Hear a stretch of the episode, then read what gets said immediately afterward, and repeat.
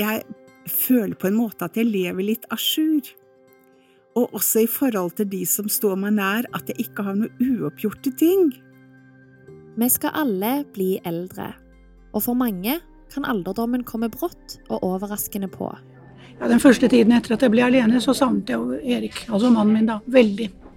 Opplevelsen av å føle seg gammel utløses kanskje av en hendelse, som tap av en nær relasjon, sykdom, at knærne plutselig ikke kan gå den samme skituren, eller at ryggen gjør det vanskelig å komme seg opp av senga.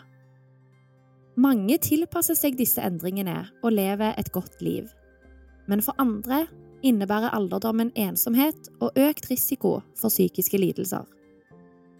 I denne episoden skal vi utforske noen av de vanskelige sidene ved å bli eldre, og se nærmere på hvordan noen smarte grep kan gi en bedre alderdom. Vi skal høre med Kari på 79 år om hva som er nøkkelen til å mestre aldring. Jeg tenker som så at man ikke skal utsette å gjøre hyggelige ting. Og så vite at man har eh, livet stort sett bak seg, men vi er fortsatt så heldige å leve. Og Aldring og helses egen psykolog og eldrespesialist, Per Christian Haugen, skal fortelle hva som skjer med psyken vår når vi blir eldre. Dette med tap, det er nok en av de viktigste grunnen til at en kan få psykiske lidelser i, i alderdommen. Hvorfor blir vi ekstra sårbare for psykiske lidelser når vi blir eldre? Er det naturlig, og er det kanskje helt greit å trekke seg tilbake når du blir gammel? Og hva kan helsepersonell og pårørende gjøre for å hjelpe eldre mennesker som har det vanskelig?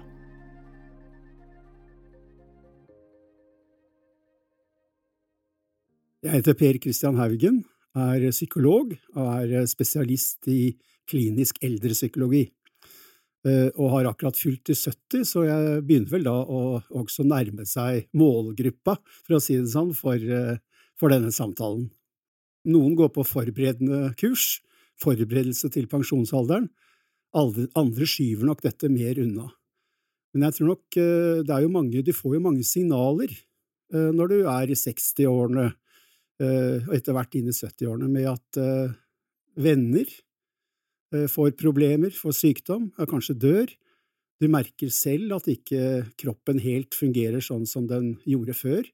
Fødselsdager, altså det å fylle 70, eh, nå snakker jeg litt fra egen erfaring, er en konfrontasjon med at, eh, at noe er i ferd med, med å endre seg. Det er mye som endrer seg når vi blir eldre. Og disse endringene kan òg være med på å påvirke vår mentale helse i alderdommen. Se for deg at du ikke lenger husker navnet på en person eller et sted som du egentlig kjenner godt, eller at det som før tok deg fem minutter å lære, nå tar flere dager, og at den du elsker, ikke er her lenger. Med hjelp fra Per Christian Haugen skal vi nå se litt nærmere på de ulike risikofaktorene som kan bidra til at eldre får psykiske utfordringer. Den første risikofaktoren handler om endringen av intellektuelle og kognitive evner. Dette med evnen til å tenke fort, evnen til å ha flere baller i lufta samtidig, det som vi kaller for delt oppmerksomhet. Og en annen ting er dette med, med huske navn, og det er vel det som bekymrer veldig mange eldre også, at det å huske egennavn og navn på steder og navnet på den programlederen på NRK og sånt, det er også noe som er høyst normalt å få problemer med som, eh, som, gammel.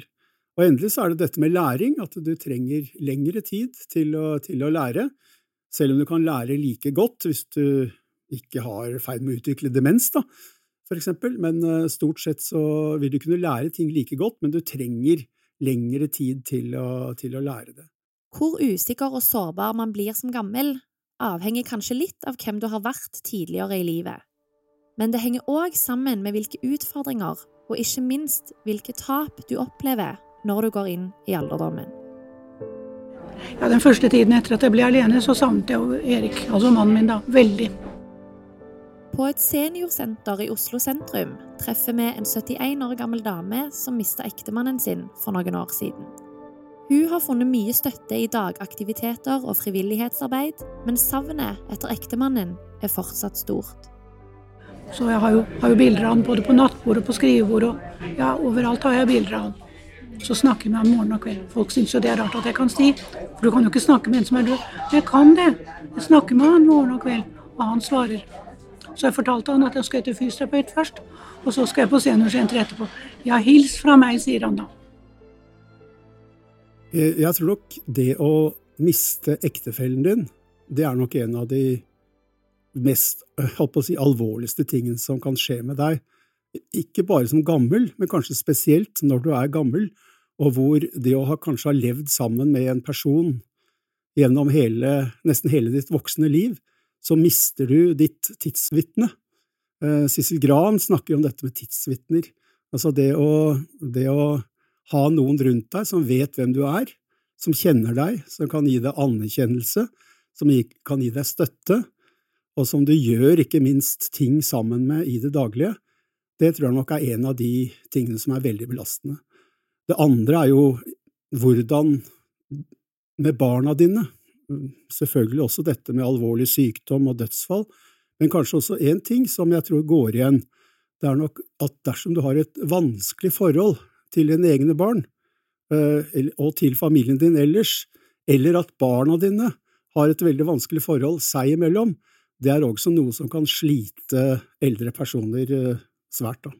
Men jeg kan jo si at uh, dette med tap, enten det er tap av egen fysisk fungering, uh, tap av rolle kanskje, tap av arbeid, slutte å arbeide, uh, tap av nære venner og familie, det er nok en av de viktigste grunnene til at en kan få, kan få psykiske lidelser i, i alderdommen. Hvis, spesielt når du, ikke, altså når du ikke har hatt psykiske lidelser før, altså av alvorlig grad, og det kommer i alderdommen, for eksempel depres alvorlig depresjon, så har det veldig ofte sammenheng med det har ha opplevd tapsproblematikk. Da. En annen risikofaktor, og kanskje den største utfordringen i alderdommen, er å akseptere nettopp det at man har blitt gammel, og å kunne glede seg over å være i livets siste fase, i stedet for å bekymre seg for framtiden. Det som nok mest, skaper mest utrygghet for, eh, for, for, gamle, er jo tanken på hva som skal skje da fram til, eh, til uh, livet tar slutt. Da. Uh, altså, blir jeg avhengig av andre mennesker? Vil mine nærmeste uh, måtte ta seg av meg? Vil jeg bli en belastning? Vil, vil, jeg bo på sykehjem i mange år før, før jeg dør? Altså, og selvfølgelig hvis det er øh, problemer og konflikter for, øh, som dine nærmeste opplever, så vil nok også det være noe som, som bekymrer en veldig, og gjør at en opplever at ting er ikke så trygt som det kunne vært. da. Å bli eldre innebærer òg at man i mindre grad opplever mestring i ulike situasjoner. Det å ikke kunne male huset sitt selv, skifte dekk på bilen eller å logge seg inn på nettbanken vil for noen oppleves vanskelig og vondt. Og dette påvirker både selvfølelsen og identiteten din. Ja, jeg syns mange eldre blir jo behandlet veldig dårlig, da. Nærmest gjort narr av. Du kan ikke dette for du er så gammel, du er så dum. Bare det syns jeg er forferdelig å høre. De er jo ikke dumme fordi man er blitt pensjonist. Én ting er hvordan jeg oppfatter meg selv som person og hvem jeg er, men det andre er jo hvordan omgivelsene rundt meg eh, sender signaler på hvem jeg er. Og det vil nok for mange kunne være litt vondt å oppleve, at eh, du ikke lenger oppleves å være i andres øyne den samme personen som det har vært, det har vært før. Eh, kanskje begynner noen å overta litt, kanskje andre ikke helt tenker at du verden, du får signaler kanskje på at du verden, har du, har du greid å la, få tak i den Vy-appen selv? Ikke sant? Du som er så gammel, utrolig flott gjort! Altså, det er kanskje en person som har vært veldig vant til å drive med teknikk og datamaskiner, kanskje en helt mannsalder. Eh, altså, slike signaler tror jeg kan gjøre at det, mange eldre kan føle, begynne kanskje å føle seg litt usikker på, på seg selv. Og det er nok grunn til å tro at uh, dette med uh, selvfølelse, dette med sikkerhet, trygghet på deg, på deg selv, som for eksempel tenåringer, eh, som vi har opplevd. Eh, da er du mer usikker på hvem du er, og mer avhengig av hvordan ikke minst jevnaldrende oppfatter deg. Jeg tror mye av det samme vil kunne skje eh, for mange eldre, at du blir mer sårbar og mer oppmerksom på hvordan andre mennesker oppfatter deg og tenker om deg, hva du er i stand til å gjøre, og ikke minst hva du ikke er i, er i stand til å gjøre. Maybe you could slow down aging and extend lifespan. Aging is a side effect of being alive in the first place. But what if there was something to it? What if there was something to this fountain of youth? Et annet poeng Per Christian kommer med, er at selve samfunnet og kulturen vi lever i, òg kan være med på å gjøre alderdommen utfordrende for enkelte. Dessverre så lever vi vel i en tid hvor, uh, hvor uh, en trekkes mot uh, at det å være ung, ha en glatt hud, for å si det sånn, i seg sjøl er en veldig viktig verdi. Og det tror jeg vel kanskje også har noe å gjøre med, med dette med å mm, være uforberedt på å bli gammel. Nå snakker jeg litt uvitenskapelig, for jeg vet ikke hvor mye forskning egentlig er på, men jeg er ganske sikker på at, at ungdom har en mer positiv valør enn det å være gammel sammenlignet med tidligere. Jeg tror nok at en del av de verdiene som en tilla gamle, dette med erfaring, modenhet, det at gamle har opplevd ting som det er verdt å, uh, verdt å lytte til og, og, lære av, det tror jeg nok er uh, verdier som, uh, som, kanskje ikke står like sterkt i dag som de gjorde, som de gjorde tidligere. Eldre selv oppfatter jevnaldrende som gamle og skrøpelige, og ikke helt sånn som oss, uh, som er friske og raske. Altså det å sammenligne seg med andre og slå fast at ja, han der er jammen blitt gammel, gitt, å se på. Jeg Altså, det er, det er, noe med at uh, det og viktigheten av å kunne heie på hverandre, og også kunne på en måte akseptere og støtte og forstå altså min jevnaldrende, det tror jeg er veldig viktig.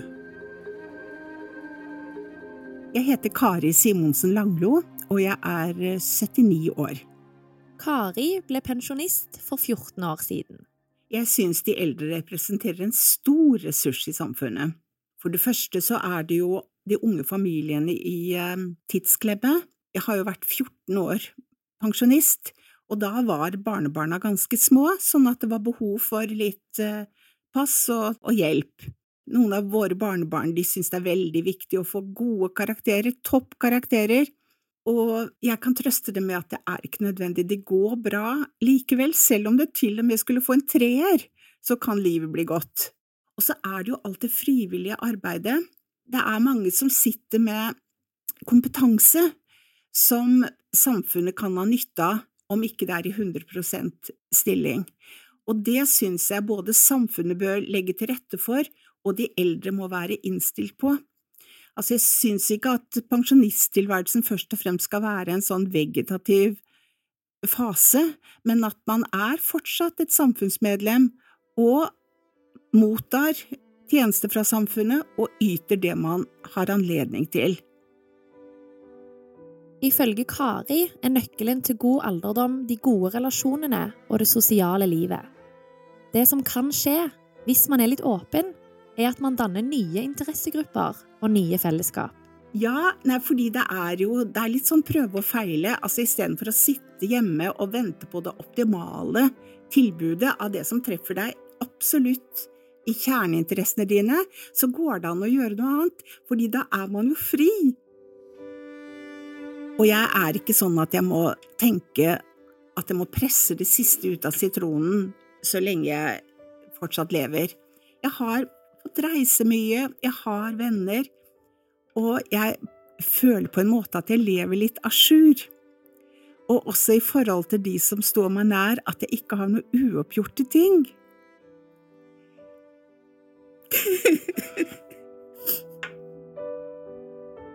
Kari blir trist når hun snakker om dette. Dagen før intervjuet var hun i en begravelse til en nær venninne. Å miste nære relasjoner er, som vi allerede har vært inne på, en naturlig del av alderdommen for de aller fleste. For Kari er dette vondt, men det har samtidig gitt henne perspektiv på hva som er viktig. Jeg tenker som så at man ikke skal utsette å gjøre hyggelige ting. Og um, kanskje jeg inviterer mange mennesker på 80-årsdagen min. Kanskje fordi jeg syns det er hyggelig. Og også gjøre hyggelige ting sammen med barn og barnebarn. Sånne ting skal man ikke utsette. Det tenker jeg. Men ellers så, om det er eh, et land jeg ikke har fått sett, så får det heller være. Så det er det å leve videre på en måte. Og så vite at man har eh, livet stort sett bak seg, men vi er fortsatt så heldige å leve.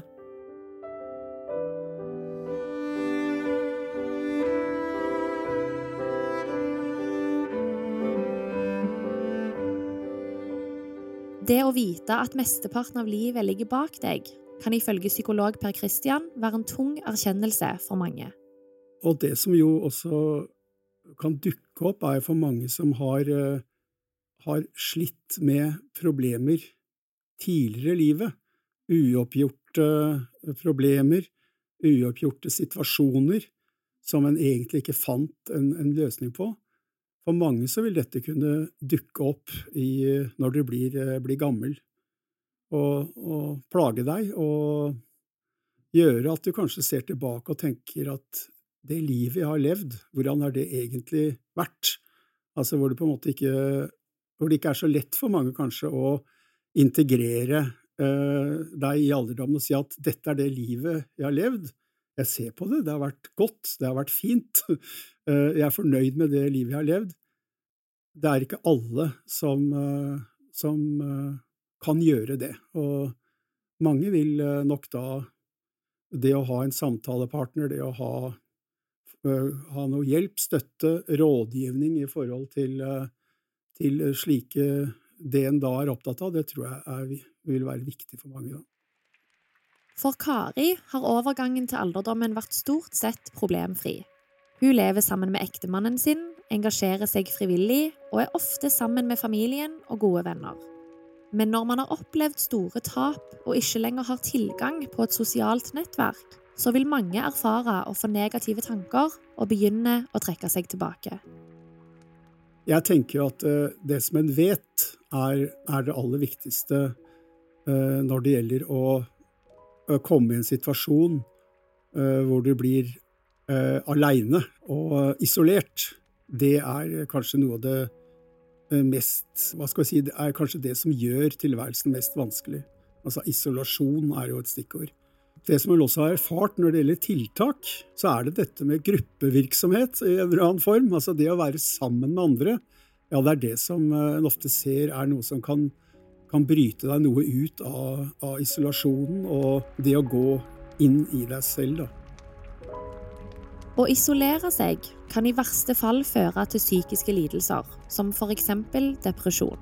Hvis man er pårørende eller jobber med eldre i helsevesenet, er det viktig å plukke opp signaler før det er for seint. Hvis det skjer endringer, sånn i væremåte og virker som hun har gitt opp, eller sier at eh, nei, jeg har det best med å ta det med ro og ikke være med på det, så tenker jeg at da er det viktig å, å tenke, tenke forebygging. Altså det å være, være på banen, det å kunne uh, ha noe å tilby, gjerne på bakgrunn av hva, hva en har drevet med før, hva som interesserer en. Dette har også litt å gjøre med, med å være passiv, uh, ikke på en måte ha ork til å, uh, til å gjøre ting som blir foreslått. Altså, depresjon er jo et veldig godt eksempel på det.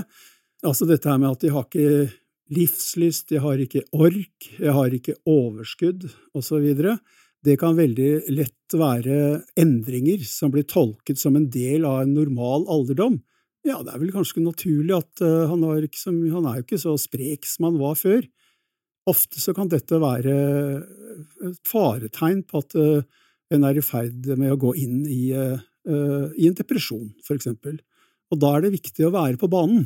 Altså på et tidlig tidspunkt. Kanskje overtale litt. Ta med på, i situasjoner hvor som en da har god grunn til å tro at dette er noe som, eh, som, han vil sette pris på. Kanskje han har likt å gå på restaurant tidligere. Kanskje er det kino eller sant, teater. Eh, kanskje er det det som jeg har opplevd et par tilfeller når det gjelder eldre.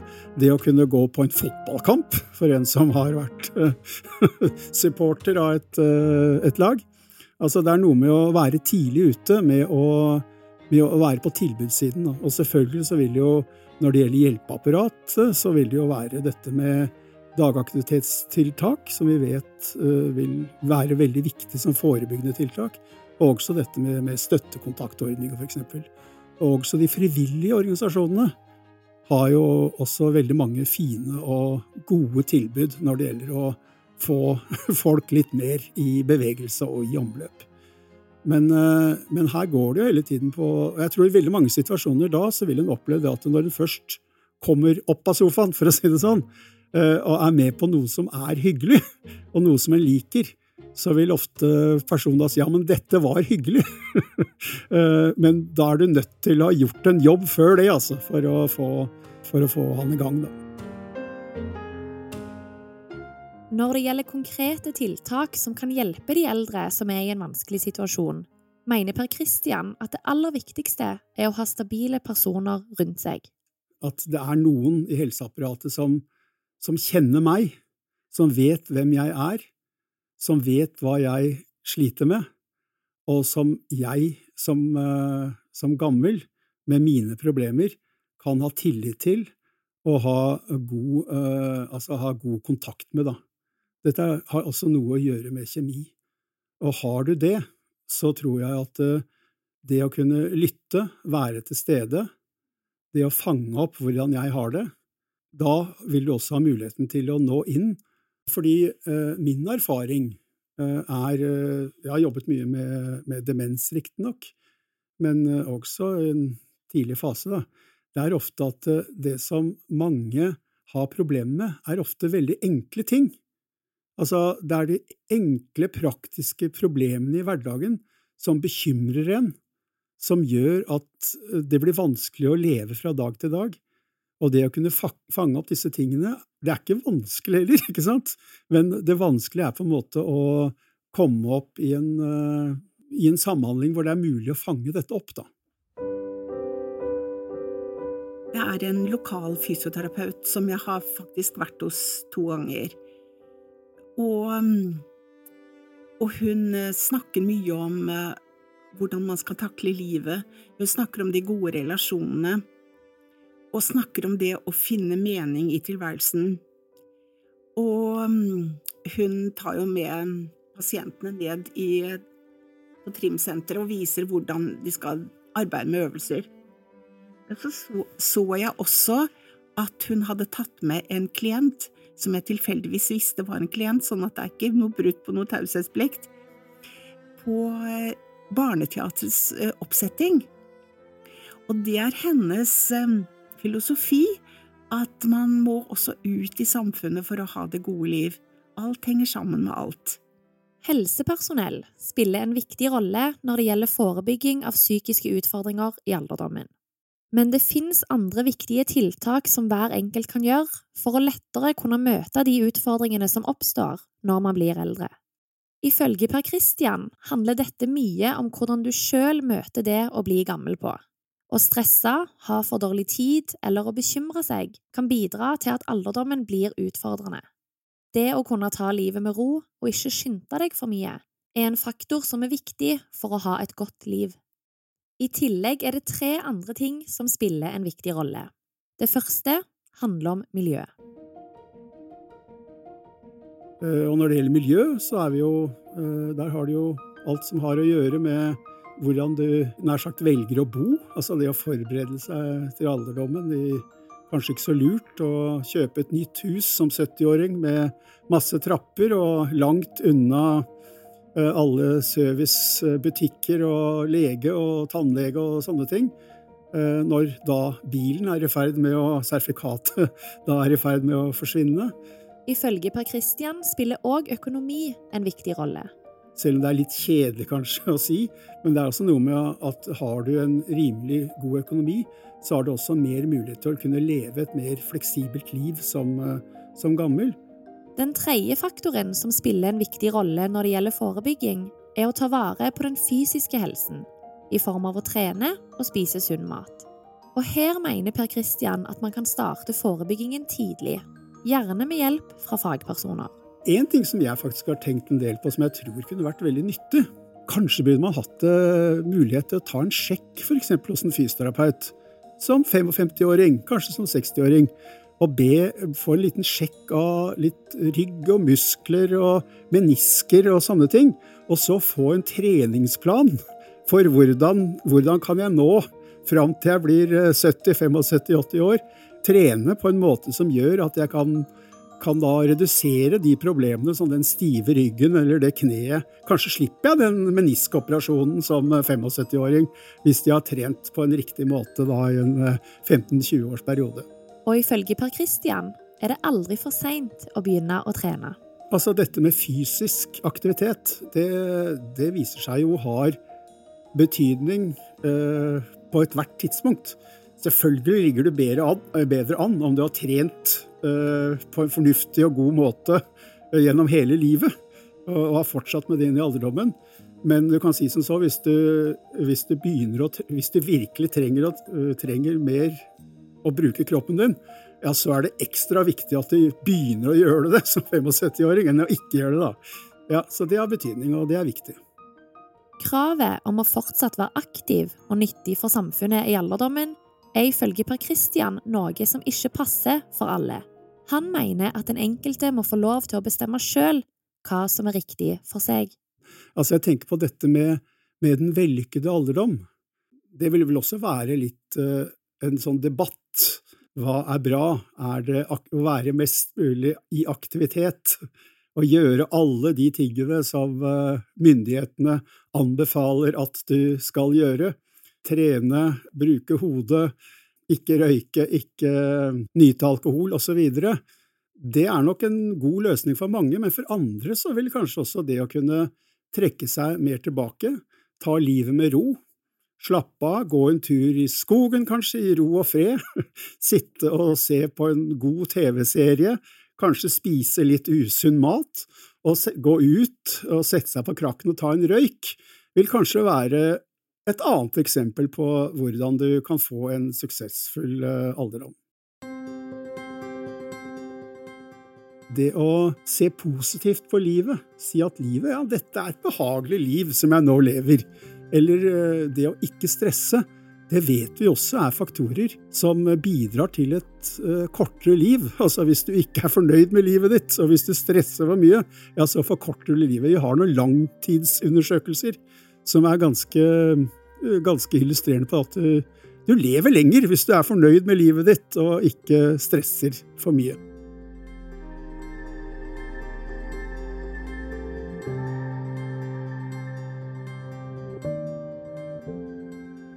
Hørt en podkast fra Nasjonal kompetansetjeneste for aldring og helse, i samarbeid med Rådet for psykisk helse.